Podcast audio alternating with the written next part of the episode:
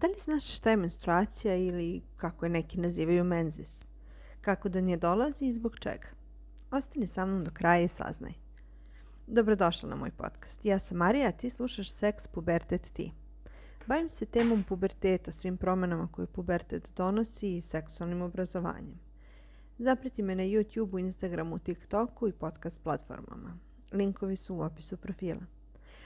Ukoliko si ti u početku ili odmakloj fazi puberteta, ovo je kanal za tebe. Šta je menstruacija? Menstruacija je period kod ženske populacije kad dolazi do krvarenja iz ženskog polnog organa.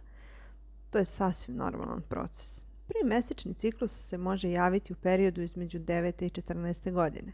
Dešava se jednomesečno i traje od 4 do 7 dana u proseku.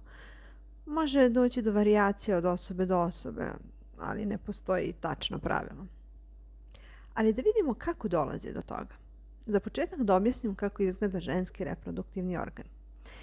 Na samom početku posmatrajući od spolja nalazi se vagina, zatim materica, dva jajovoda i dva jajnika. Jajovodi predstavljaju kanal između materice i jajnika. Jajnici u sebi sadrže na hiljade malih jajašca. Oni su u stvari ćelije koje, eto, tu žive. Svaki mesec jedno to jajašce kreće da se oslobađa iz jednog jajnika i putuje kroz jajovod do materice. U tom periodu materica se sužava i ukoliko ne dođe do seksualnog odnosa sa muškarcem i jajašce ne bude oplođeno, ono se izbacuje napolje. Zadebljeni zidovi materice tada postaju tanji, a sav taj višak se izbacuje kroz proces koji nam je poznat kao menstruacija, odnosno mesečni ciklus ili menzis. Šta treba da radiš u tom periodu? Tada koristiš uloške koje će staviti na svoj donji veš. Uloške imaju ulogu da pokupe svu tečnost koju u tom periodu izlazi. Ima više vrsta, razlikuju se po veličini. Za prva 3-4 dana preporučujem ti da uzmeš veće i noću naravno da koristiš noćne. Veličina je na pakovanju najčešće je označena brojem kapljica, ali slobodno piti devojke koje rade u apoteci ili u drogeriji za pomoć. Nemoj da te bude sramota i one to imaju. Ja lično koristim noćne i tokom dana i noću. Za slučaj da se ne namesti dobro kako se kreće, imam osjećaj da kada su veće manje šanse da će krv da procuri i da se vidi na pantalonama. Ako se to i desi, nemoj da te bude sramota, takve stvari se dešavaju. Možeš da se ograneš trenerkom ili jaknicom. A ako se to dogodi tvojoj drugarici, nemoj da joj se smeješ ili da je zadirkuješ, nego i pomozi. Možeš koristiti tampone, mada ih ja lično nikad nisam koristila, ali one su za period nakon što izgubiš nevinost. Uloške treba menjati na 4 do 5 sati ukoliko si u mogućnosti jer ako se ne zamene i krv dugo ostane, može zazvati neprijatne mirise i stvara uslove za razvoj bakterije.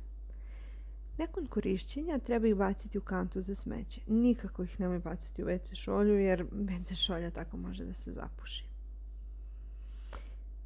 Šta da radiš kada imaš menstrualni ciklus? Ništa. Možeš se posvetiti svojim redovnim dnevnim aktivnostima bez problema u redu je, a i treba da se kupaš tokom menstruacije. Mada možeš se osjećati tužno ili da imaš osjećaj da si emotivnija. Razlog za to je hormonska neravnoteža tokom tog perioda koji nastaje kada se cikl završi. Možda će ti porasti želja za slatkišima ili će ti se apetit prosto povećati. Vrlo moguće da ćeš osjećati bol u donjem delu stomaka, leđima, možda čak imati i glavobolju i mučninu umeju da budu prilično jaki bolovi, ali se sve to rešava lekovima protiv bolova. Postoje lekovi namenjeni baš za menstrualne bolove, ali ukoliko ih nemaš, bilo koji lek protiv bolova ti može pomoći. Kada menstruacija prestaje zaovek? Taj period nastupa između 45. i 60. godine, zove se menopauza. To znači da žene tada više ne mogu da ostanu trudne dok su muškarci tada i dalje u mogućnosti da imaju potomstvo. Dakle, menstruacija je normalna stvar. Zahvaljujući njoj, bit ćeš u mogućnosti da budeš mama. Nemoj da se stidiš i nemoj da si zabrinuta. Redovno održavaj higijenu, živi normalno i obavezno pitaj doktora ukoliko misliš da postoji razlog za to. Ginekolozi su tu da tebi pomognu. Redovno idi na kontrole i preglede i to samo znači da brineš o sebi i da voliš sebe. Ako ti je ovaj video koristio, ostavi like ili komentar, a možeš ga podeliti drugarima i drugaricama. Do sljedeće epizode, uživaj!